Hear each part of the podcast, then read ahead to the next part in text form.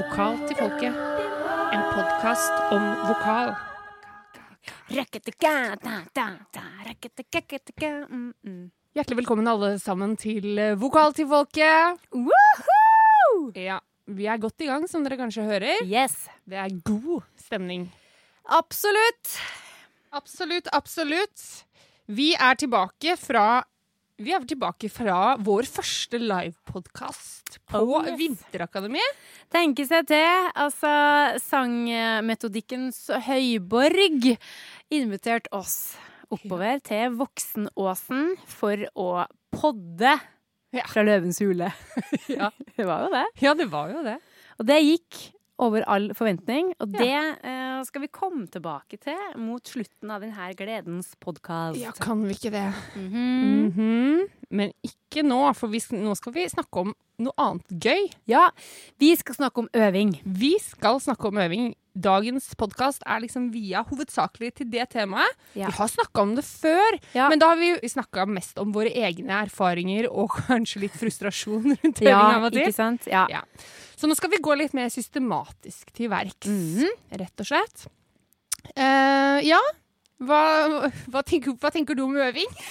Nei, altså, nå er jo greia det at uh, jeg har eh, ganske mange tanker om uh, hva som er god øvingsmetodikk. Mm. Og nå snakker vi jo Vi skal jo ikke bare snakke om det med å øve og trene stemmen. Vi snakker jo òg om å forberede seg til øving, forberede seg til konsert. Hvordan man på best mulig måte kan stille forberedt. Ja. Så det, og der har jeg gjort meg en del erfaringer gjennom et langt liv. Oh yes. Ja. Og så er det jo én ting er jo hvordan vi selv øver, og så er det noe med kanskje hvordan man underviser i det med øving. Mm. Og jeg, eh, jeg har jo undervist ganske mye unge folk opp igjennom. Eh, Jobba gjennom kulturskole, og nå jobber jeg på videregående. Har vært eh, innom folkehøyskole, og jobba også på mye sånn private sangskoler med hovedsakelig unge elever. Og det som slår meg da, når jeg jobber med unge folk, er at vi som har ganske mye erfaring, vi tar det kanskje litt som en selvfølge at man vet hvordan man skal øve. Mm. Og at jeg kan godt gi liksom en lekse, og så, og så glemmer jeg liksom litt at det er ikke sikkert at eleven vet helt på en måte hvordan han, skal, han Nei, hun skal angripe ikke sant? Ja, det kjenner jeg òg igjen. Ja. Så eh, det er eh, en erfaring jeg har gjort meg, at det er viktig å ta det på alvor. Og så em, så har jeg også sett at veldig mange unge folk, eller nybegynnere kanskje, og det kan jo være viderekommende også, men som kanskje er uskolert eller ikke har hatt noe Mhm. opplæring i det, at de vet kanskje ikke helt hva øving er, Ja. eller hvordan de skal øve. Mm. Og jeg pleier ofte å spørre mine elever sånn Ja, øver du Åssen går det med øvinga? Øver du mye, da? og da eh, Da er det jo selvfølgelig noen som kanskje har gode øvingsrutiner, men det er også ofte eh, blant de unge, unge folka jeg har undervist opp igjennom, så er det mange som sier at ja, ja, jeg øver. Jeg øver hele tiden, jeg. Jeg Ja synger, synger hele tiden.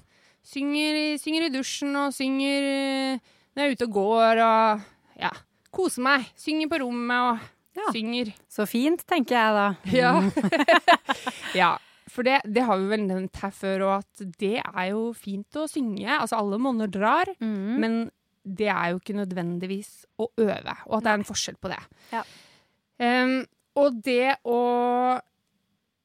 øve på et instrument, og det er jo jeg tenker Det er jo litt med sang, det er litt vanskelig, da, fordi at instrumentet er med hele tiden. Sånn at du kan på en måte dra det fram når som helst. Mm. Hvis du øver på et piano, så må du ha et piano tilgjengelig. Da må du Ja. sette deg ned ved det pianoet. Hvis du skal dra opp en saksofon, så må du ja, så må du liksom montere denne saksofonen. Det Ja. krever liksom en innsats. da. Det er ikke bare å slenge den opp i dusjen.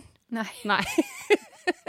så, så det er jo kanskje hovedforskjellen, og som gjør at det, eh, det med øving på sang blir litt sånn ekstra, et litt sånn ekstra en ekstra problemstilling, tenker jeg. Mm. Jeg tror òg det er lett å lure seg sjøl litt. Hvis man sitter på øvingsrommet i to timer og synger sanger som du kan veldig Ja. godt, så tenker du at åh, men nå har jo, nå har jeg jo fått øvd i to timer. Ja. Men kanskje var det noe annet læreren din hadde tenkt at du skulle øve på? Øve på, ja. Kanskje du egentlig bare burde ha liksom jobba glissandoa i, i tostrøken Ja. oktav fem minutter?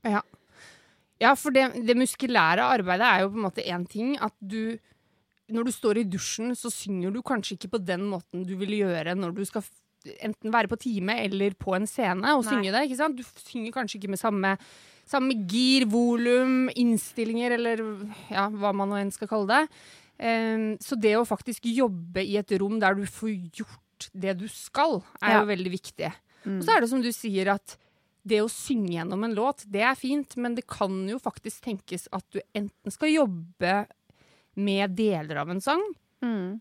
eller at du skal Kanskje du ikke skal jobbe med en sang i det hele tatt. Kanskje du faktisk skal jobbe med en problemstilling som du har, eller noen tekniske eh, ting som du, som du trenger å jobbe med. Mm. Og da må du kanskje gjøre øvelser istedenfor. Du kan jo gjøre det i dusjen òg, selvfølgelig, men igjen, jeg tror det å gå inn på et rom og faktisk fokusere på det du skal gjøre For det er et mentalt moment her også. Det med å faktisk lukke den døra, Mm. gå inn i et rom, si 'nå skal jeg øve', 'nå skal jeg konsentrere meg om det her', det er dette jeg skal bruke tida mi på. Kanskje Mm. slå av mobiltelefonen. Ja. Ikke sant? Og være i, være i øvingssituasjonen, da. Mm. Det tror jeg er eh, Ja. Det tror jeg er veldig lurt, rett og slett. Enig. Så jeg har blitt mye mer opptatt av det med øving og formidle det til mine elever. Nå er det jo sånn på videregående som jeg jobber på nå, eh, og har gjort de siste sju årene, så er det også et fag som heter øvingslære. Det var det ikke på videregående når jeg gikk der, for å si det sånn. Ikke når jeg gikk der heller. Nei, og det er bare så bra, det faget. Jeg har noen ganger så har jeg, altså enkelte år så har jeg undervist i det som et eget fag. Andre ganger så puttes det inn i hovedinstrumenttimene f.eks.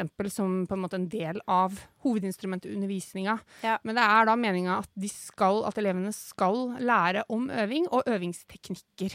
Ja. Og det ser jeg at er så nyttig, fordi elevene blir ja, de opplever mestring, da, og de blir motiverte, og de ser på en måte hvordan det hjelper. Ja. Og de får gode verktøy til hvordan de skal gå fram Mm. for å jobbe, rett og slett. Så ja, jeg er for øving. Hva slags eh, erfaringer har du? jeg er for det, øving. det er veldig bra at du er for øving. Ja, det er et bra utgangspunkt. Ja, altså, det er Det som eh, Ja, det som jeg har eh, lært meg litt på egen hånd, er det derre med Altså, én ting er jo å stå og jobbe med, med på en måte instrumentet og og skrive logg om at, hva du øver på, se sånne ting. Men det som jeg syns er òg veldig viktig, er jo den derre greia med når du skal forberede deg til Ja. øving, Ja. eller forberede deg til en konsert. Og det har jeg lyst til å snakke litt om. ja, kan du ikke det? Det skal jeg gjøre, altså. Fordi det her, er- det her syns jeg er så viktig. Og jeg ser musikere på en måte som er ja, på min alder ja, Det høres jo veldig lamt ut å si, men altså som jeg, Som på en måte Som jeg kan jobbe med nå, Ja. profesjonelt. Som ikke stiller godt nok forberedt, da, Mm. eller tatt liksom lett på det. Og så vet jeg jo om en del som ikke helt skjønner hva de skal gjøre. Um, og nå skal jeg snakke om det her ut ifra et uh, Fra min bakgrunn, da, som, som uh, hovedsakelig en rytmisk uh, sanger. Og det er rett og slett første bud er jo hva er det du skal forberede deg til, ikke sant? Mm. Eh, skal, du, skal du på bandøving med ditt eget band, med dine egne låter? Eh, skal du møte opp på øving til en eventjobb der det er 40 låter, eh, og øvinga egentlig bare er en sånn gjennomgang? Hva er greia? Det må du, det må du vite. Mm. Hva er materialet? Litt sånn som jeg nevnte i stad, er det en eventjobb med sanger som andre har valgt ut for deg, det dine egne ting? Uansett, du må skaffe deg en oversikt Ja. over hva som skal skje. Og som regel i min verden så er det sånn at uh, bandmusikerne uh, skriver blekka, eller én i bandet skriver blekka til bandmusikerne. Og du må gjerne ta imot den blekka, men jeg vil absolutt anbefale deg å lage dine egne tekstblekker. Ja. Og blekke er jo egentlig bare en sånn kul måte å si note på. Ja. og note, en note er jo egentlig bare et notat fra komponisten om hvor det skal bli, bare så det er klart. Ja, la oss si at vi snakker da om coverlåta. Mm. Ikke sant? Du skal på en, eh, du skal på, en, eh, du skal på øving med et Mm. eventband. Eventbandet Party Girls. Oh. Yes, eh, du skal spille tre sett på en eller annen klubb oh, neste høres helg. kjent ut. Ikke sant? Så lag dine egne blekker. Du kan gjerne lytte til låtene når det er coverlåter, eller hvis du skal være med og synge med en artist, og musikken eksisterer fra Mm. før, og det er snakk om å gjenskape noe, så må du gjerne lytte på dem så du får det på en måte inn i blodet. Men du er nødt til å strukturere hva som foregår. Ja. Og da mener jeg, hvor mange takter intro er det egentlig? Hvor mange takter mellomspill er det? Er det noe bridge der? Er det en solo?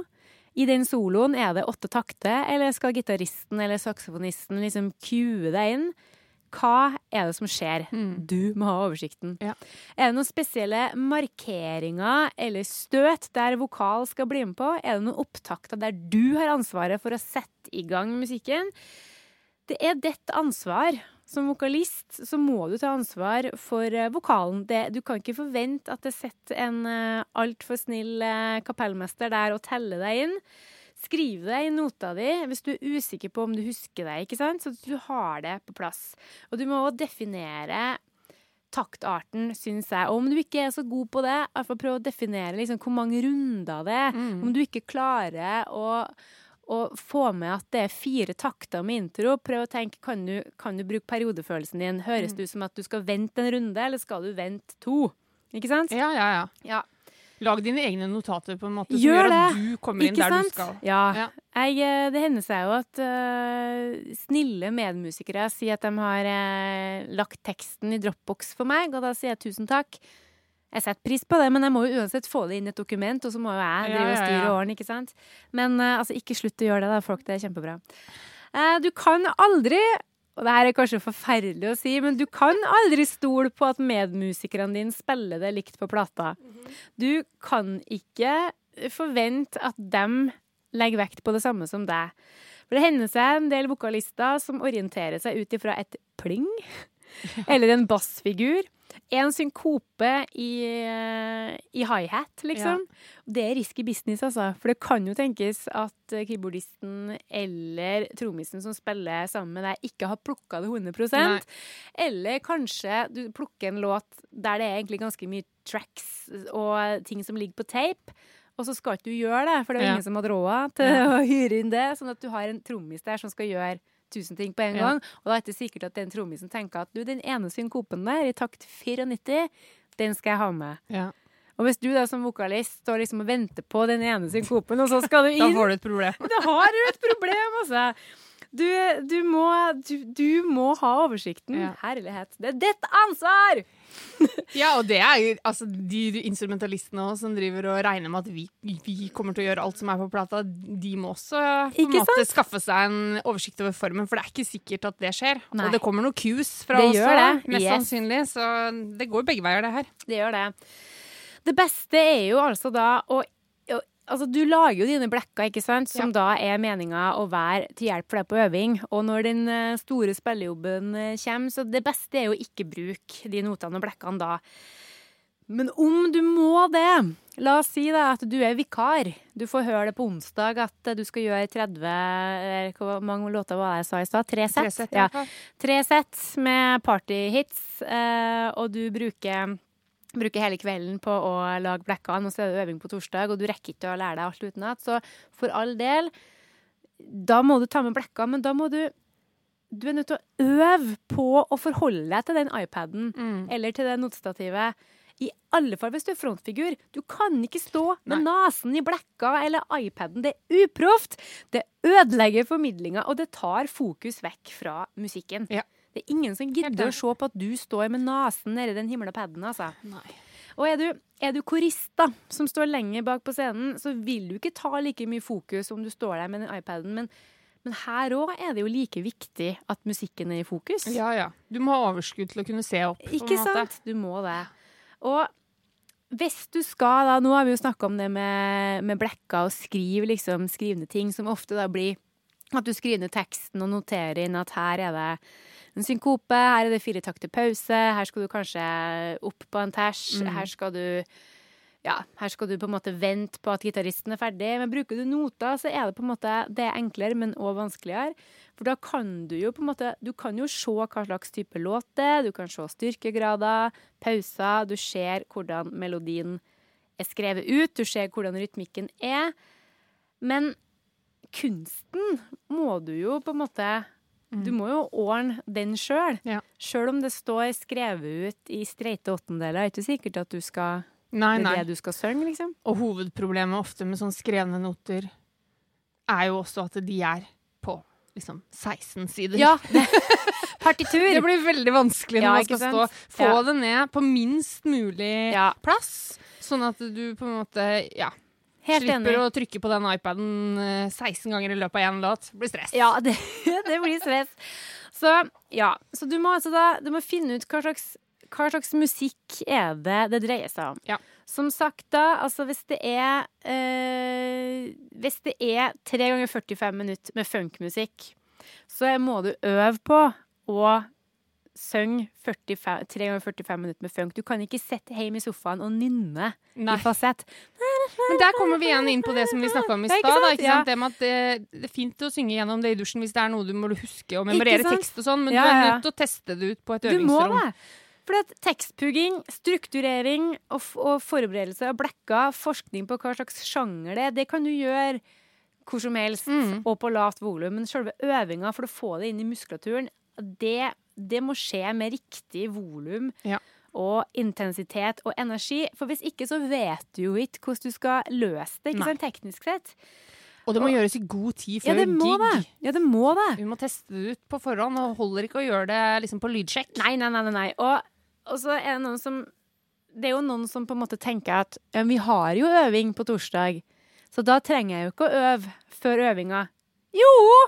Du må forberede deg! Du må jo øve før du skal på øving. Ja. Øving med band er jo øving med band. Ja, De gidder ikke å vente på at du skal finne ut hva slags volum du skal synge. Nei, og vi gidder heller ikke Nei, å det vente orker vi Nei, vi gidder ikke å vente på at keyboardisten skal lete fram lydene sine. Nei, det Der fikk dere den. ikke. Ja, sånn at frilanslivet, vet du, Karina, Ja, det, kre, det krever sett. Du har ikke alltid Du har ikke tida til å sette og se på at den du spiller med, sitter og øve seg på å få inn liksom den Beyoncé-miksa-klangen, eller at trommisen skal finne ut hva er det som foregår i takt 49. Nei, det går ikke. Altså, selvfølgelig skal man jo øve på samspill. Ja, ja. Og man må av og til sjekke ting sammen med bandet. Men det er du Du må ta ansvar for ditt instrument. Du må sjekke at det virker. Mm. Du må ha overskudd i ditt eget horn før du går på øving. Så enig med deg. Så Ja, bra så dette bra. her er.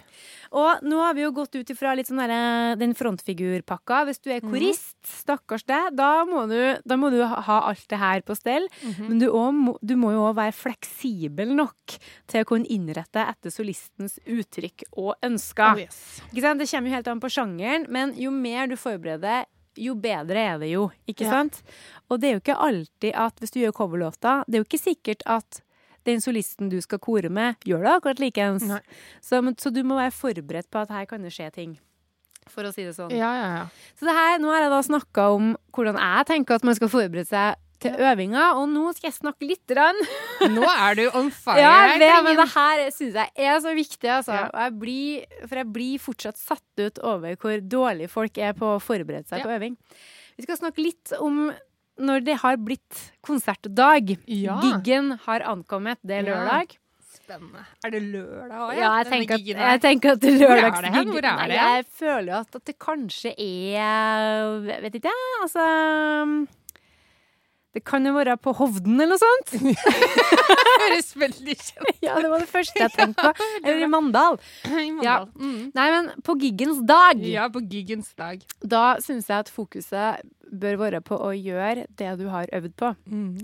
At du skal formidle, Mm. at du skal ivareta en sunn og god teknikk. Ja. Du skal være trygg på deg sjøl, på hornet ditt, og så må du jo Du må jo stole på medmusikantene dine, altså. Ja. Du er nødt til å gjøre det, men allikevel så må du ha oversikt nok til at du klarer å gjøre det du skal, om dem på en måte Mm. Faller det fra. skjer noe, ja. Det vil alltid skje noe, vet du. Monitoringa det detter ut. Eh, det er noen som, eh, som eh, glemmer å trykke på en eller annen knapp.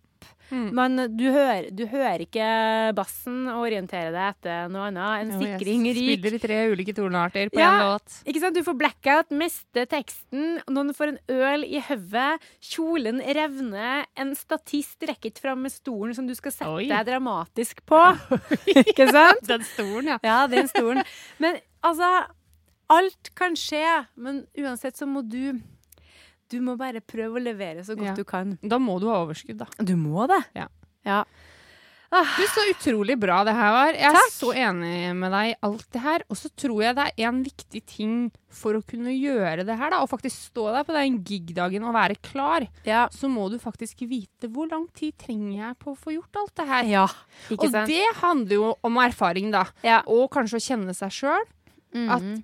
jeg vet på en måte dette bruker jeg lang tid på, dette bruker jeg ikke så lang tid på. Og da tror jeg det som du sa, det med å skaffe seg en oversikt over hva er det som skal spille, det er veldig Ja. viktig. Hvis jeg for eksempel da eh, skal gjøre en, la oss si en, en sånn eventjobb, Mm. tre sett på Hovden, tilfeldigvis, Mm. Um, så, så vil jeg det første jeg vil be om, er å få ei settliste. Ja. Se over låtene. Er det noe tilfeldigvis noen av disse låtene jeg kan fra før? Ja. Er det noe jeg har gjort tidligere? Ehm, fordi det vil gjøre jobben ganske mye lettere med en gang. Hvis jeg ser at her er det 30 låter som er helt nye for meg, jeg har ikke hørt noen av dem, da, Ja. da vet jeg at det er en mye større jobb som ligger foran meg, enn hvis jeg har gjort halvparten. Ja. Ikke sant? Så, så det handler jo om det. Og så er det sånn å vite hva man er bra på og ikke. Hvis jeg vet at jeg har problemer med å lære meg ting uten at jeg bruker lang tid på det, ja vel, da må du begynne før. Mm. Da, må du, da har du ansvar for å begynne før. Jeg vet jeg er dårlig på det. Sett i gang. Ikke, sant? Og jeg er skitgod på å ta ting på, på øret, tilpasse meg. Ja vel, da trenger du kanskje ikke på en måte å være så stressa på det der overskuddet på å følge vokalisten, f.eks. Hvis du er dritgod på liksom å hoppe inn der det trengs, og at Ja. du får god erfaring med det, Ja. så er det kanskje din sterke side, og det er en Mm. bra ting. Da er det ikke det, der du trenger å sette fokuset. Så ja, finn ut Skaff deg oversikt, og beregn hvor lang tid trenger jeg Ja. på å få dette til. Og ikke undervurder det med å Altså, hvis du skal gjøre en låt som er litt innvikla rytmisk sett, Mm. så du, du må Ja. gjøre jobben med å sette deg ned og bare finne ut OK, her skal jeg vente i fire takter, eller en runde om du vil, Mm. og så skal du inn, og så er det synkope, Ja. og så er det en ny synkope. Altså, du må For du, du, det der kan du ikke altså, ja, ja, Med mindre du er verdens beste. Ja. Hvis du, er, hvis du er verdens beste, så går det sikkert greit. Men det er du nok ikke. Så Nei. da må du jobbe på, altså. Ja, og samme hvis det er veldig mye tekst. Det hender jo veldig ofte. Den, har jeg, den smellen har jeg fått et par ganger hvor, hvor jeg har stått på øvingsrommet og jobba med blekka. Går helt fint med blekka, men så kommer jeg på scenen, og så skal du faktisk se opp fra den blekka i ny og ne, eller den iPaden, da. Og så, og så tror du at du kan det veldig godt, men så merker du det at det, det er så mye tekst her at at eh, jeg, jeg får ikke sett så mye på publikum som jeg i utgangspunktet ville. Ikke sant? Ikke sant? For det kan, føles, det kan føles som du har overskudd til det når du står på øvingsrommet, men så blir det annerledes når du kommer på scenen og folk står og stirrer på deg. ikke sant? Ja. Ja, uff, jeg møtte meg sjøl i døra da jeg skulle eh, med Jeg hadde et partyband som heter Lime, back in the days. Og vi skulle gjøre den derre Mutley Crew-låta Dr. Feelgood. Og vi, vi var på en måte vi, vi var bare fire i bandet, Ja. så det var jo mye ansvar på alle som var med.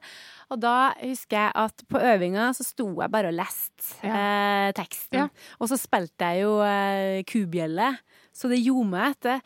Og, og det gikk greit på, på øvinga, selvfølgelig. Vi hadde typisk sånn ei øving eh, før vi skulle på. Sikkert samme dag nå. Ja, ikke sant? det er jo sånn. Ja, ja, det er sånn. Og så husker jeg sto på øving og bare står og leser tekst, ikke sant? Står og leser tekst og spiller kubjelle og tamburin og cuer bandet og styrer på, og så kommer du på den eventjobben hvor vi skulle spille på noen sånn sommerfest eller noe sånt, og da er det jo ofte òg vokalisten som skal være den som på en måte Holder i Heldig gang. gang. Ja, ja. Woo! Ikke sant? Det styret der. Ja. Og så når den låta kommer, da, for den låta er jo ganske kul, Ja. og folk vil jo høre den, og da kan ikke jeg stå og lese tekst. Nei. Da må jo jeg, da må jeg bli glam fra yes. Wigwam. Og da må jeg liksom Jeg må jo det. Bare, ha! Og bare må slå den der himla kubjella må Ja, bare ja, ja. liksom brette meg utover scenen Ja. der. Og du må liksom Du må gi jernet. Ja. Ja ja, jeg ga jo noe, men jeg merka jo at det her går jo ikke. Heldigvis. Jeg kunne refrenget, da. Men det var de derre de der versa Ja. Som eh, da Men da dikter jeg bare. Nettopp, for det var mitt neste, mitt neste innlegg her nå. Apropos, Ja. for det, det tenker jeg. Det hadde Ja. jeg gjort òg. Ja ja. Fordi når man er på jobb eh, det er jo et sånn tilleggsmoment å være vokalist. Da, at du må, i hvert fall på en sånn type jobb, at du er du er jo Vidar Lund Arnesen. Du er Ja, ja. på en måte konferansier og ja. og Ja ja. Frontfigur, alt i ett. Og da, ja. da ville jeg også faka meg gjennom Ja. det verset any day, og hatt litt grann schwung på dansemusa istedenfor. Ikke sant? Men det, jeg hadde jo lært meg den både rytmiske og melodiske strukturen. Ja, og jeg nettopp. kunne jo sjangeren, og jeg visste på en måte hvilke løp jeg kunne ta, og hva Ja. slags vibrato jeg skulle bruke. Og så visste jeg òg. Og så visste jeg liksom hvilke ord som passa inn. Og mye sånn der. Så det gikk jo altså så bra. Vi fikk jo komme tilbake neste år, og det var jo helt Ja, konge. ja, ja. Så da fikk jeg jo Da hadde jeg jo råd til å betale husleia den måneden òg. Det er veldig, veldig bra. Jeg har lyst til å. Altså, Når vi er inne på dette med øving, hadde du noe mer du ville si om det? Nei, nå det Nei, ingenting mer. Nå er du ferdig. For jeg har lyst til å anbefale i forbindelse med det faget som jeg har på videregående som heter da øvingslære, så har jeg kommet over et veldig veldig fint kompendie som jeg har veldig lyst til å anbefale. Det heter 18 gode råd for sangere og instrumentalister. Jeg syns jo det alltid er litt festlig, det der med at sangere og instrumentalister skal Jeg tenker jo at sang også er et instrument. Ja, Men OK, la oss ikke krangle om det. Eh, det er i hvert fall et veldig fint og ganske li, liksom, kompakt kompendie. Mm. Kompakt kompendie, kompakt kompendie. Ja. Av Harald Jørgensen, som jeg syns er veldig, veldig fint. Den, det har da 18 gode råd, sånn som det står i teksten, for instrumentalister og sangere. Eller motsatt, sangere og instrumentalister. Eh, og noen av de rådene han gir, handler f.eks. om Det er et punkt om tempo der, altså sette ned tempo for, eksempel, for å jobbe ting inn. Eh, det er snakk om å dele opp eh, stykket eller låta du spiller i helhet Nei, ikke helhet, du deler ikke opp i helhet. du deler opp i deler. Mm. Se på delene, og så sette det sammen. Jobbe med helheten, jobbe med overgangene. Så er det snakk om overføring av læring, hvordan du kan lære noen ting i ett stykke, og så kan du kanskje overføre det, bruke det du har lært tidligere, til Mm. noe nytt. Absolutt. Eh, det er snakk om mentaløving, det er snakk om hvordan man kan øve på enkelte elementer uten å lage lyd. Mm. Bygging av tekst, eksempel, kan være aktuelt for oss som sangere. Eh, det er snakk om lengde på øvingsøkter, altså hvor lenge bør man øve. Og det er også snakk om viktigheten av å ta pauser. Og mye, mye mer. Jeg skal ikke si alt, for det blir jo for dumt å røpe det. Kjøp kompendiet. Eller jeg er litt usikker på om det selges. Jeg, jeg har liksom søkt, googla det og sånn. eh, jeg, jeg tror du kan låne det på biblioteket. Bra. Og så er det gitt ut via Jeg lurer på om det er gitt ut via Norges. Ja, Det skal jeg sjekke Ja. litt opp. Jeg skal se om jeg kan få, få linka til det. Ja, Men det er et veldig fint øvingshefte. Og det, det er forklart veldig enkelt. Og ikke, det er ikke brukt masse faguttrykk. Og det, er ikke så tungt da, å lese. Det er veldig forståelig, tror jeg, for de fleste.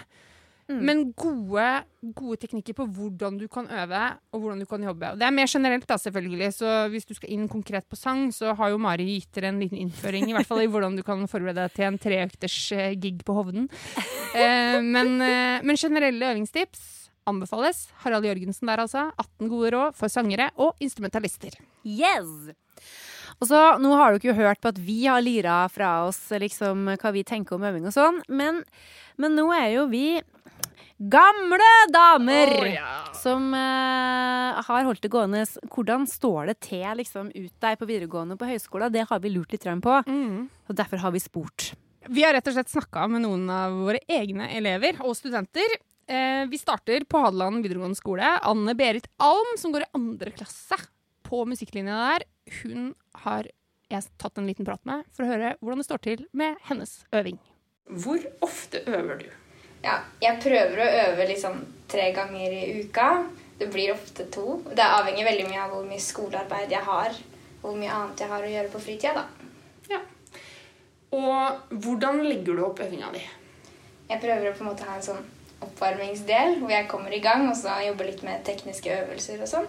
Og så jobber jeg ofte med en sang som vi jobber med på time eller sånn, da. Har du noen måter du innstuderer eh, repertoaret ditt på?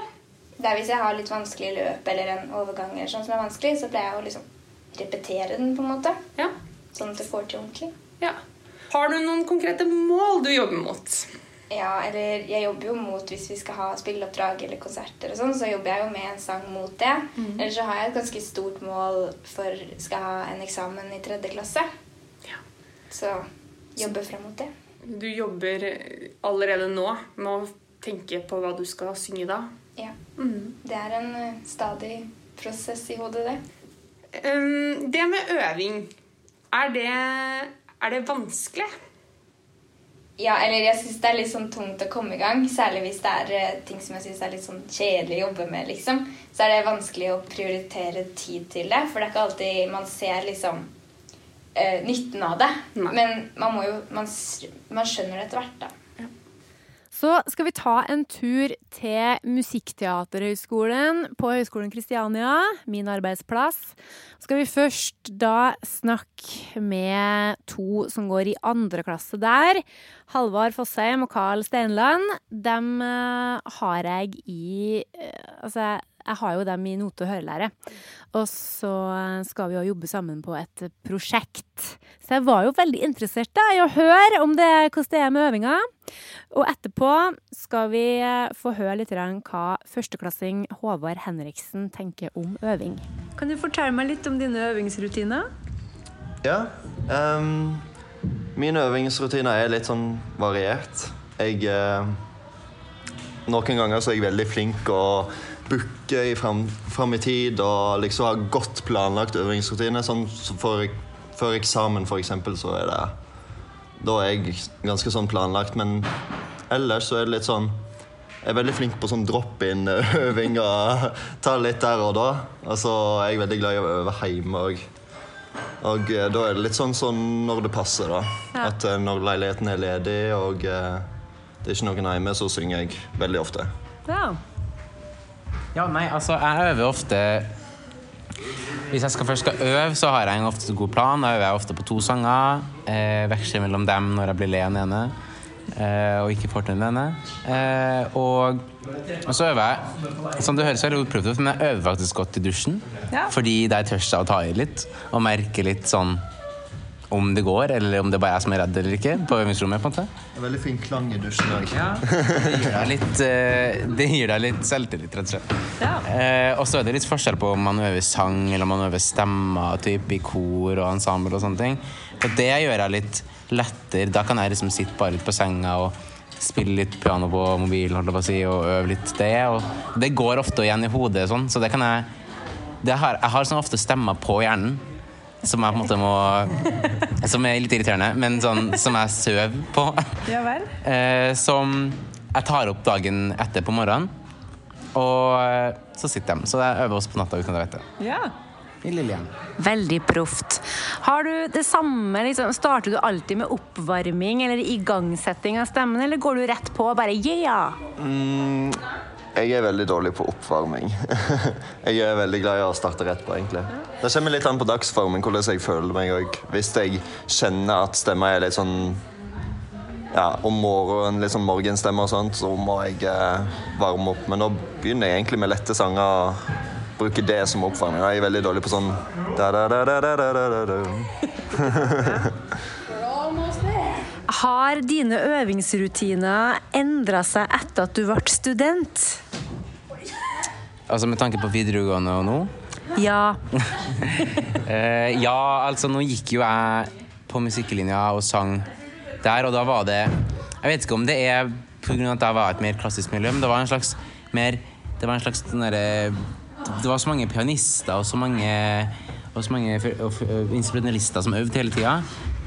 Og da fikk man en sånn Åh, da må jeg vel være da», Og, det- og da var det en slags sånn Ok, da booker jeg, booker jeg, booker jeg. Og så øver man egentlig ikke sånn nødvendigvis noe effektivt, men man liksom bare står der og synger litt, da. Ja. Mens her tror jeg jeg, syng, altså jeg øver kanskje litt, litt sjeldnere, men mye mer effektivt. For at når jeg øver, så øver jeg, liksom. Og ikke bare Jeg står ikke der og soser rundt. Skjønner. Hvordan er det for deg? Um, for meg har det blitt ganske mye bedre siden jeg kom her til Oslo.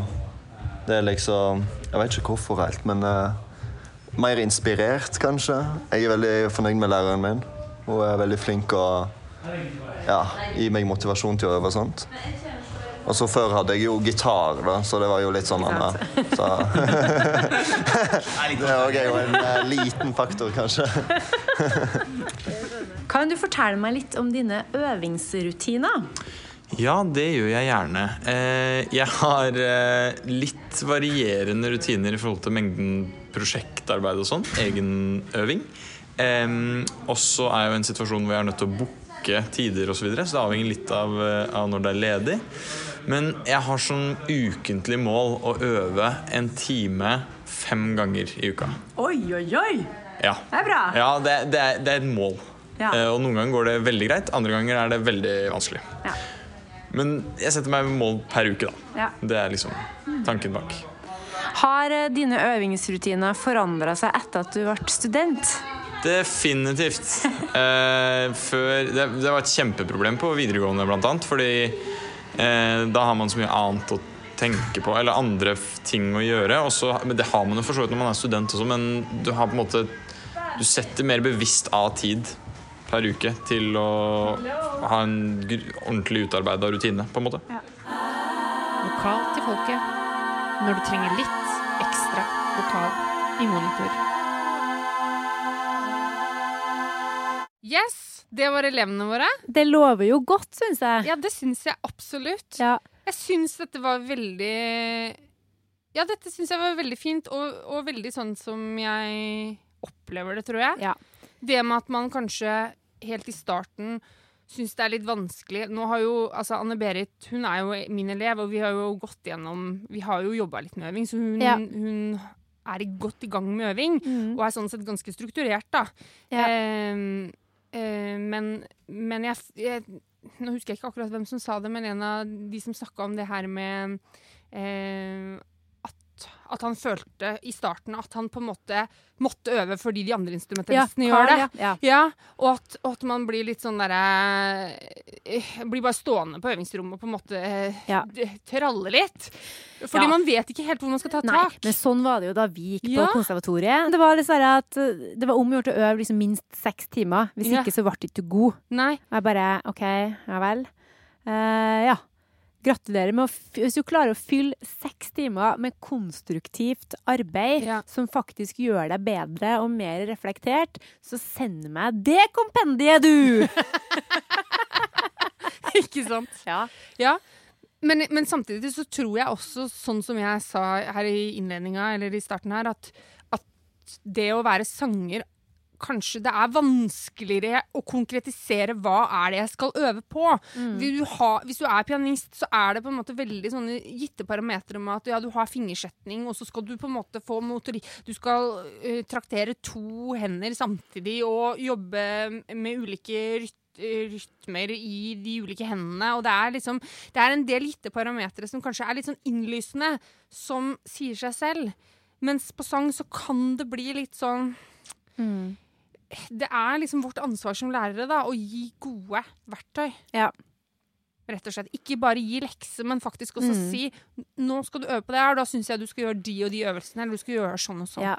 Det er kjempeviktig. Jeg har eh, jobba litt med det sammen med mine studenter som jeg har i sang, fordi det Vi har snakka om på en måte hva, hva jeg forventer, for det er jo ikke alltid at det er så lett å forstå. Nei. Men så har jeg prøvd å forklare, og vi er blitt enige om at når jeg sier at hvis, jeg, hvis vi jobber med en øvelse, og jeg sier 'den her må du gjøre', Så det jeg egentlig sier da, er at den her må du gjøre så ofte du kan. Ja.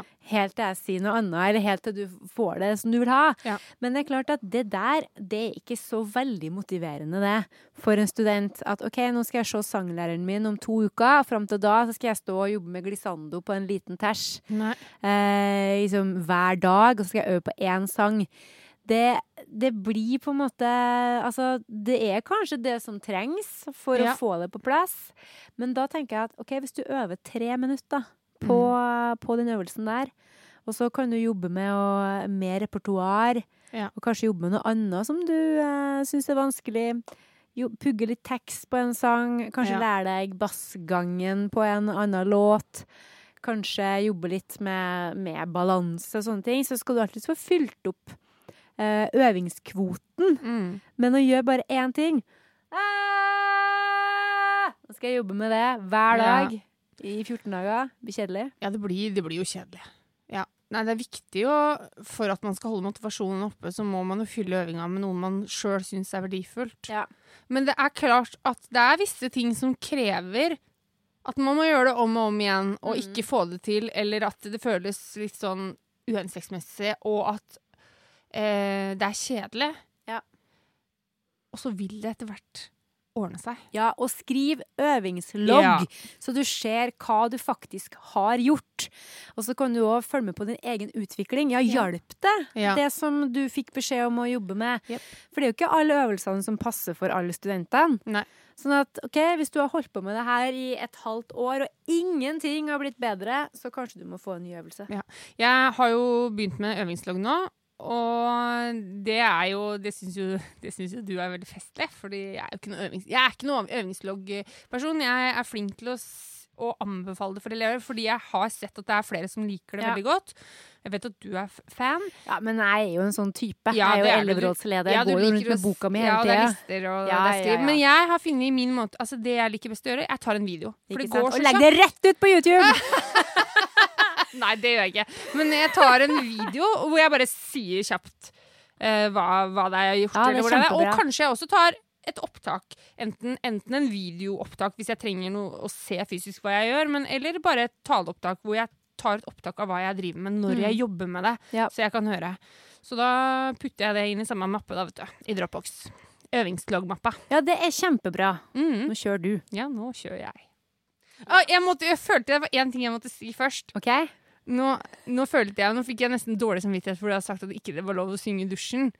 Og det tenker jeg hvis, Jeg er veldig enig i det der med at det å synge i dusjen og Hvis man har god liksom, akustikk, og man faktisk kan synge ordentlig For det er klart, jeg bor i en blokk. Jeg kan ikke synge med det volumet, og jeg driver med musikk som har mye volum ofte. Så, så jeg kan ikke jobbe med mitt repertoar i min dusj. Men kan du det, så er jeg for å synge gjennom ting der. Men spørsmålet er jo hvor konkret på en måte og konstruktiv øvinga di blir. Eh, når du står der, så kanskje gjør det for å Sånn, sånn som Kristoffer snakka om eh, i forrige episode. Få, bygg selvtillit. Ja. Liksom Ja, okay. bli høy på Shake deg it like sjøl. you mean it! Shake your tail feather. Mhm. Ja, gjør det, altså. Jeg er ikke, jeg er ikke imot synging i dusj, men Nei. bare eh, sørg for at liksom gjennomsynging ikke, ikke blir øvinga. Eh, ja. Man må være litt mer strukturert og litt mer konkret, tror jeg, enn som så. Sånn på et generelt plan. Men ja til synging i dusj. Kos dere med det.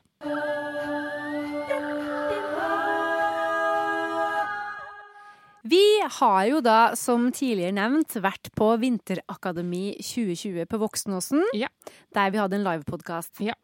Og eh, først så må jeg jo si at eh, da vi fikk den forespørselen om å komme dit, så eh, for meg var det et eh, litt sånn derre Et veldig klapp på skuldra og en, en åpen dør for Vokal til folket inn til på en måte ja, altså, ikke det at jeg har tenkt at vi ikke har vært godkjent, men det var veldig godt å få komme dit. Fordi vi ser jo på oss sjøl som en, sånn en podkast der vi snakker om absolutt av alt av sjangre og, og stilarter og sånn.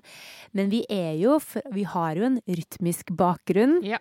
Og det er jo av og til at vi eh, har følt oss litt sånn Hva skal si, ikke utafor, men av og til så kan vi jo sette og kjenne på at vi på kanskje ikke. Ja, vi er på besøk, ja. Veldig godt ord.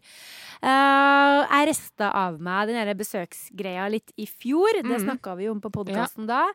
Um, men jeg forstår veldig godt at hvis du på en måte aldri har vært på Vinterakademi før, og er en rytmisk sangpedagog, så kan det tenkes at du vil eh, føle at det snakkes om, eh, om rytmisk sang på en litt eh, Ja ikke, ikke nedsettende måte, men på en litt sånn En hastig måte, da. Ja, Ja, sånn, det, ja. det kan jeg være litt Ja, enig i. sånn gjør de det i rytmisk. Det kan du ikke gjøre her, for her skal vi gjøre det sånn. Ja. Og jeg tenker jo at altså, jeg jobber med så mange klassiske pedagoger og klassiske sangere og rytmiske pedagoger, og for meg så er det liksom bare Vi jobber vi prøver jo alle sammen å gjøre det beste ut av en sanger. Ja. Så jeg er ikke så opphengt i det der. Jeg mener at du må, du må se på hva det er du skal jobbe med. Uh, skal du jobbe med, med, med Mozart, så, må, så er det enkelte ting som uh, ikke kan tas med over i når du skal jobbe med Stevie Wonder. Mm. Men det er jammen meg mye som kan bli med òg. Ja, ja, ja, ja. Mm. Absolutt. Nei, men jeg, jeg er veldig Jeg er enig i det du sier. Det er Ja, det blir, det blir jo snakka litt Det har vært Tidligere har Susanna snakka om Susanna Eken. Susanna Eken, ja. Snakka om det her med, eh, med rytmisk og klassisk. For hun har jo også undervist rytmiske elever ved Absolutt. konservatoriet der borte. Um, og, har, og har masse erfaring eh, på det. Og har også noen tanker om, på en måte, om dette kan kombineres. Og det Ja. kommer vi også inn på denne gangen her. Mm. Og det som var på en måte konklusjonen der, da, så, så, som jeg oppfatta det, er at eh, i i utgangspunktet så kan man jo på en måte gjøre begge deler, men til et visst nivå, på en måte. Ja. Og så når du kommer opp på et visst nivå, for å kunne gjøre eh, For å kunne gjøre noe, så bør du på en måte satse på én ting. Og Ja. det er jo Jeg tenker det det gjelder jo innenfor de ulike stilartene. Altså, hvis, du vil, hvis du vil bli en god jazzsanger Det er fint å teste litt ulike ting, men på et eller annet tidspunkt så, så bør du kanskje liksom Altså, du blir jo en enda bedre jazzsanger kanskje hvis du går 100% inn for å bli en jazzsanger, enn hvis du synger 50% jazz, og så synger du 50% jeg vet ikke metal. Ja, ikke sant? Så, så tenker jeg at da Selvfølgelig, og det er jo et valg du kan ta. Det betyr jo ikke at du er en dårlig sanger for det, men, men, men alt som man går inn for 100% vil man jo selvfølgelig fordype seg i og bli enda bedre på. Ja. Så kan man selvfølgelig diskutere om det å få på en måte andre hva heter det, In inntrykk, andre inspirasjonskilder, at det kan være en bra ting for musikaliteten òg. Ja. Bare sunt. Men, eh, men det var vel på en måte litt sånn konklusjonen, da. Ja. Og så blir det jo snakka litt grann om det med rytmisk sang, og da ble det vel også nevnt det at eh, At man satte litt spørsmålstegn ved at eh, rytmisk eh, At på rytmisk utdannelse og det er jo på en måte en sånn type utdannelse. Nå snakker vi ikke om noen sånn konkrete skoler eller metoder, men mer sånn generell rytmisk utdannelse som vi har. At man skal innom veldig mange sjangere. Ja. Og at det var på en måte ja, Man satte litt spørsmålstegn ved om det var er heldig, fordi at stemmene er ulike, og at det kan kanskje, kanskje det ikke er bra at alle skal gjennom Mm. mange ulike eh, måter å synge på. Ja. Ja. Eh, og det kan jo sikkert diskuteres. Jeg kan ikke nok om fysiologi og anatomi Nei. til å kunne mene noe om det. Men jeg, kan, jeg vet jo litt om den rytmiske utdannelsen. Ja. Og det gjør jo du òg. Vi gjør Ja. det begge to. Og jeg tenker kanskje at kanskje vi skulle benytta sjansen til å fortelle folk litt hva det faktisk er vi driver med. Ja. Fordi Ja. Det tror jeg ikke alle vet. Nei. Og så må jeg jo si at det jeg tror Altså, for min del så var eh, altså rytmisk musikkutdannelse var det var veldig greit for min del, fordi jeg har jeg har alltid vært flink til å lære meg ulike ting. Mm. Sånn at for meg var det ikke noe problem å, å gå gjennom de ulike typer sjangrene. Jeg, jeg vet jo ikke helt hvordan det er nå, da, for det er jo ganske mange år siden jeg studerte. Men når vi gikk eh, og studerte, så var det jo sånn at du skulle ha et halvt år med jazz, et halvt år med, med liksom fusion, et halvt år med rock, et halvt år med pop, altså, og etnisk og sånne ting.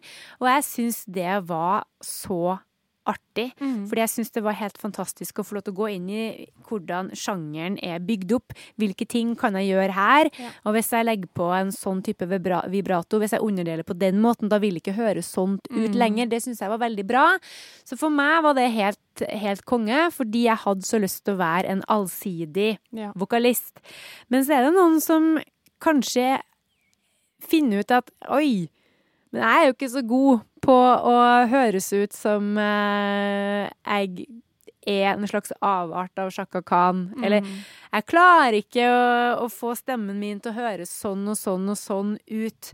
Og kanskje for dem så blir det en sånn her fantastisk oppvåkning i at jeg skal gjøre min greie. Mm. Det her er min greie. Ja, nå har jeg lært meg hvordan soul og funk og, og etnisk Altså joik du, du har lært deg alle Mm. tingene der og funnet at det er ikke det jeg skal bli god på.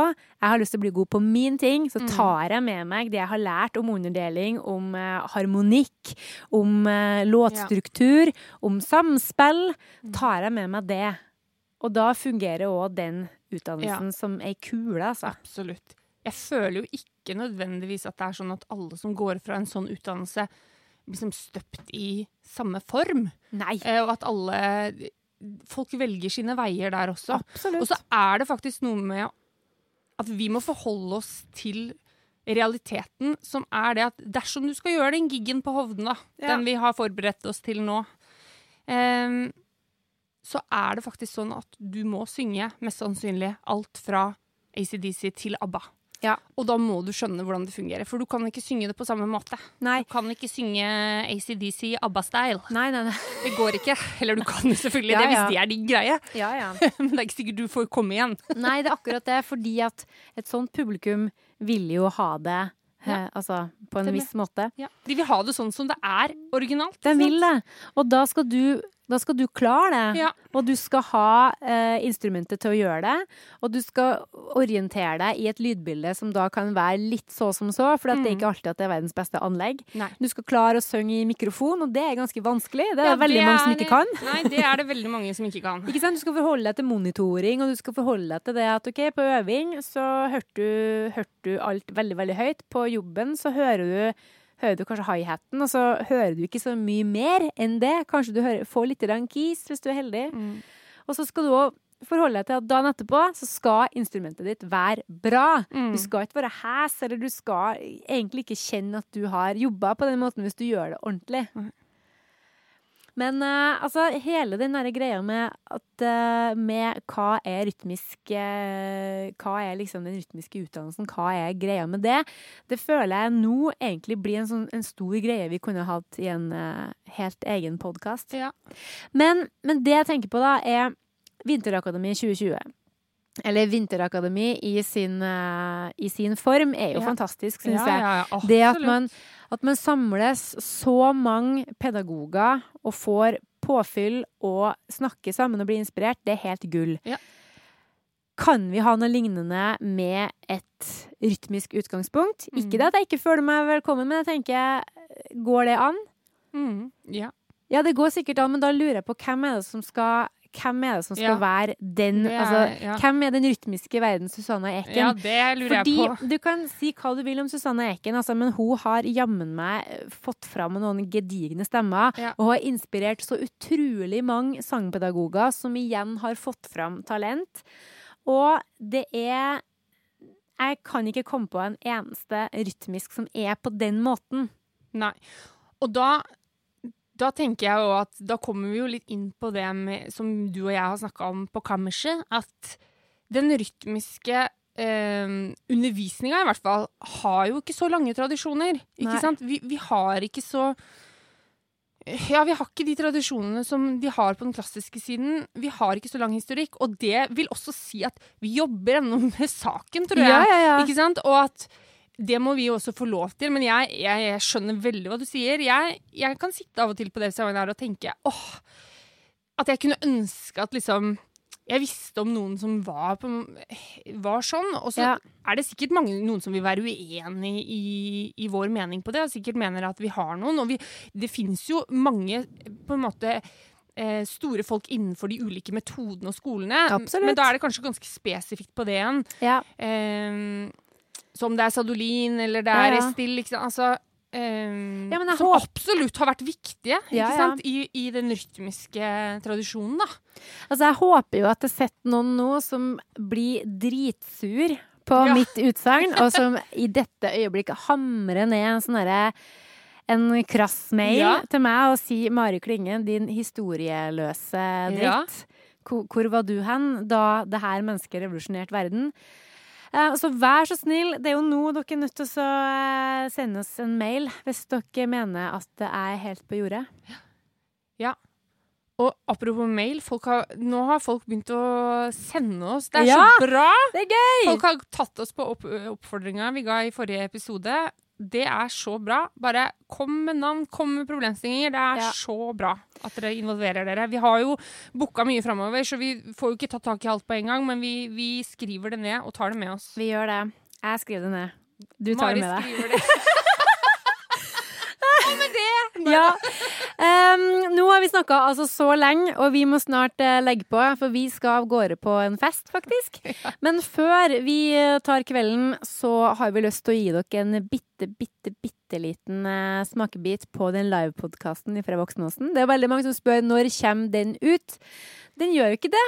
Det var for dem som var der, men det kommer noen highlights. Oh yes. Og med oss i sofaen så har vi den mye omtalte og særdeles dyktige sangpedagogen Susanne Eiken, samt eh, øre-, nese- og halsspesialist Bo Honike. Lykke til! Kos dere.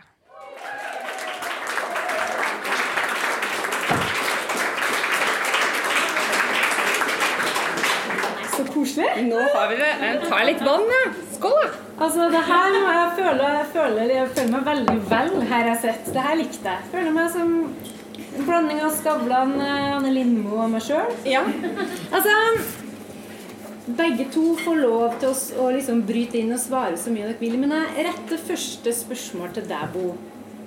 Vi var jo litt inne på det i stad. Det med eh, forkjøla stemme når man er forkjøla. Og det er klart at eh, Vi forstår jo det at når du er på stemmen, så bør man kanskje ikke bruke det så mye. Men for en student, en ivrig student, som har en plan om å nå så og så langt, bør, bør den studenten delta litt f.eks. i ensemblefag og heller droppe den store sangtimen? Og grunnen til at jeg spør om det, er fordi at mine studenter tenker litt sånn at sangtime, det er, da, må, vi- da må vi passe på, for da jobber vi så veldig. Men ensemble, da kan vi bare sitte og nynne litt i bakgrunnen. Ja. Men hva tenker du? Øh, Jeg tænker først, at øh, forkølelser, det er jo noe man blir smittet med. Så hvis man øh, er meget forkjølet, så bør man vel holde seg fra de, der ikke ønsker å bli det. Ja, Men hvis ellers der er en enighet om, at man godt må sidde og snøfte i baggrunden, så gir det meget god mening. Man skal bare huske på, at hver gang man tænker vokalt, så beveger stemmebåndene seg faktisk også. Det er det der med tanke og handling og sånne Ja. noget. Så, så man kan ikke styre helt. Man skal tænke på, at hvis, hvis man er meget hæs, så skal man faktisk passe på, at man ikke kommer til at overbelaste alligevel. Man tror, man ikke gør noget, men Mm. alligevel gør man jo lidt. Ja. Og hvis jeg kender sangere ret, jeg spørger, for jeg ved det jo ikke, så tror jeg, at de fleste vil lade sig rive lidt med, hvis de ellers brænder en lille smule for faget. Så jeg tror altid, det der, jeg er meget firkantet, hvad det angår. Jeg tror altid, det er... Hallo. Jeg tror altid, det er en øh, god idé at, at vælge, hvis man er syg, så er man syg. Og så kan man sige, reservere alt deltagelse til, når man er rask. Men det er et gråzoneområde, så jeg kan ikke svare entydigt på det. Nei, for det er jo litt, det er jo litt vanskelig, da, hvis man, eh, hvis man får en student på time som da er redd ikke sant? for å gjøre noe galt. Og så klarer ikke jeg alltid forstå ja, Er det riktig av meg å si nei, ikke syng, ikke bruk stemmen? Eller skal jeg da si ikke syng, snakk litt? Eller skal jeg si ikke snakk, men syng litt? Eller skal jeg bare ikke gjøre noen ting og sende vedkommende til lege? Jeg vil ønske det var så firkantet igjen. Det ville jo være skønt hvis det var meget nemt. Øh, Og Susanna skal nesten, faktisk også nesten svare på det her. Men øh, det afhænger jo af, hvor, hvor, hvor, om det sidder på stemmen eller ej. Ja. Og, og det, man skal passe lidt på. Øh, da jeg var ung og sang meget, der var jeg med, øh, havde den store øh, fornøjelse at være på Færøerne og synge. Der havde vi en sopran med øh, i den trup, vi var afsted, øh, som svor, at, øh, at hun ville ikke ud i solen, fordi det kunne jo udtørre stemmebåndene. Så jeg ved ikke, om der er nogen her, der har været på Færøerne, men hver gang, at solen skinner på Færøerne, så skal man altså skynde sig at smide overtøjet. Ja, Så vi lå jo derude med bare krop sådan cirka 5 minutter ad gangen, men hun var simpelthen øh, hun var væk hele tiden, fordi hun var bange.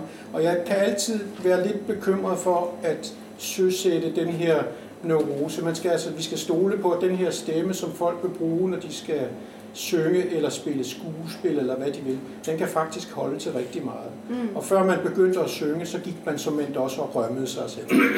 og man hostede også, og man gjorde en masse ting. Og det er egentlig gået meget godt. Øh, men det er klart, at hvis man har en infektion, der sidder direkte på stemmen, så er det selvfølgelig dumt at lægge en, en belastning oven i det. Ja. ja. ja men da er det jo litt sånn som vi har gjort det, da. Da, da var det greit. Ja, det er fint. Susanne, har du noe du vil tilføye? Jo, men øh, det at synge, det er jo liksom mange ting. Altså man behøver ikke å synge full, full voice, full repertoire. Man kan jo godt lave sånne noen små uh, øvelser, sånn så man holder elastikken i gang og holder stemmen i gang og varmer litt opp. og øh, har sådan nogle små fjederhop på stedet, i stedet for å Ja. synge repertoire. Det kan man jo godt bruke en sang til. Ja, ikke sant? Og så hvor man stadigvæk kan arbejde med krop og holdning og vejrtrækning og så videre. Så man kan sagtens arbejde meningsfyldt med en reduceret stemme. Ja. Men man skal ikke kunne gå fra 0 til øh, færdig. Altså man bliver nødt til at bevæge sig i et forsigtigt landskab med Ja. en stemme, hvis man er forkølet. Ja. Enig. Og det er en klassiker, for du og jeg er jo veldig opptatt av at elevene skal møte til time uansett. Ja. Og så kan vi alltids jobbe med pust eller holdning eller noe Ja. annet, ikke sant? Ja. Det holder ikke å, holder ikke å være hjemme, Nei. bare fordi Nei, man ikke har lyd. Da var vi enige om det. Ja, det er bra. Så bra. Ja, vær så god. Det med forkjølelse ellers. Vi vet jo at man skal få nok hvile, søvn, vann. Er du opptatt av? Vet jeg fra i fjor. Da snakka du mye om å få i seg nok væske. Er det noe annet som du tenker at du vil anbefale å putte i kroppen? Det er jo mange som liker å tilføre noe når man er forkjølet. Da tenker jeg på en vanlig forkjølelse. Av eh, Det kan være væske av andre former enn vann. Te med sitron, honning eh, Han rister på hodet. Ingefær. Ingefær, bare kom med det. Hvitløk. Ja, ikke sant? Hva tenker du? Er det noe du vil anbefale å putte i kroppen, eller noe du absolutt vil ikke anbefale? Vil du ha det lange svar, eller vil du ha et kort? Nei, altså, vi har bare, et, vi har bare fram til kvart på. Bare begynn, du, så ser vi. Okay. Jeg har ikke noe bestemt, jeg vil anbefale. Nei. Men hvis du synes, det smager godt, Ja. lugter godt, føles godt, er rart, øh, ikke rart, for det er jo i Norge, men altså er skønt å gjøre, så gjør du det. Ja. Der er ikke forkølelser, altså hvis du giver en forkølelse en behandling, så varer den syv dage, og giver du den ikke nogen behandling, så varer den syv dage. Det var det jeg ville fram. Så kan man jo forebygge forkølelser ved at vaske hænder. Ja, ikke sant? Ja, Ja. altså sådan, så man ens daglige hygiejne er øh, hele tiden at sørge for ikke at tage for alt for mange håndtag og alt det der, Mm. øh, uden at vaske hænder og ikke knikke sig i øjnene og sådan noget. Mm. Altså man kan jo forebygge forkølelser Ja. øh, ved sådan nogle ganske almindelige hygiejniske ting, så man ikke bliver smittet. Ja. Ja. Er det noe man kan gjøre i den fasen hvor man merker at det kanskje kommer? For å stoppe det? Eller er det løpet kjørt? Det er løbet kørt. Det er løpet kjørt. Ja, det var greit. Å nei. Så det er en rigtig trist historie med de forkølelser, det er det. Det er faktisk en meget dyr sygdom. Ja. Det er en af de dyreste sygdomme for det norske samfund, og for den sags skyld også det danske samfund. Øh, Forkølelser giver ubehag, folk føler sig skidt tilpas, de bliver hjemme fra arbejde. Og vi regner det ikke rigtigt for noget, men det koster faktisk samfundsøkonomisk rigtig, rigtig mange penge. Ja. Og vi kan ikke gøre så meget ved det. Nej. Men man kan gøre noget for at mindske det. Man kan tage en næsespray, så man ikke er så tilstoppet i næsen. Mm. Men højst syv dage, husk det. Ja. Øh, man kan tage nogle panodiler, hvis man føler sig lidt utilpas. Man skal bare ikke gøre det hele tiden. Mm. Øh, og så videre, så videre. Kamillete, skønt. Hvis man kan lide hvidløg, dejligt. Øh, alle de der ting. Ja. Men, men, øh, men derudover har jeg faktisk ikke rigtig noget til. Nej. Ikke sant. Nei, det er bare det at jeg føler at en del blir så veldig opphengt i den teen med, med honning. Liksom, åh, nå, nå klør det, så nå må jeg bare bort til den honningkrukka, og så går det sikkert over. Men ja, altså Nei, det gjør jo Du må jo ikke glemme, at det løper jo ikke ned i luftrøret. Nei, sant? Det løper jo ned i spiserøret. Det er faktisk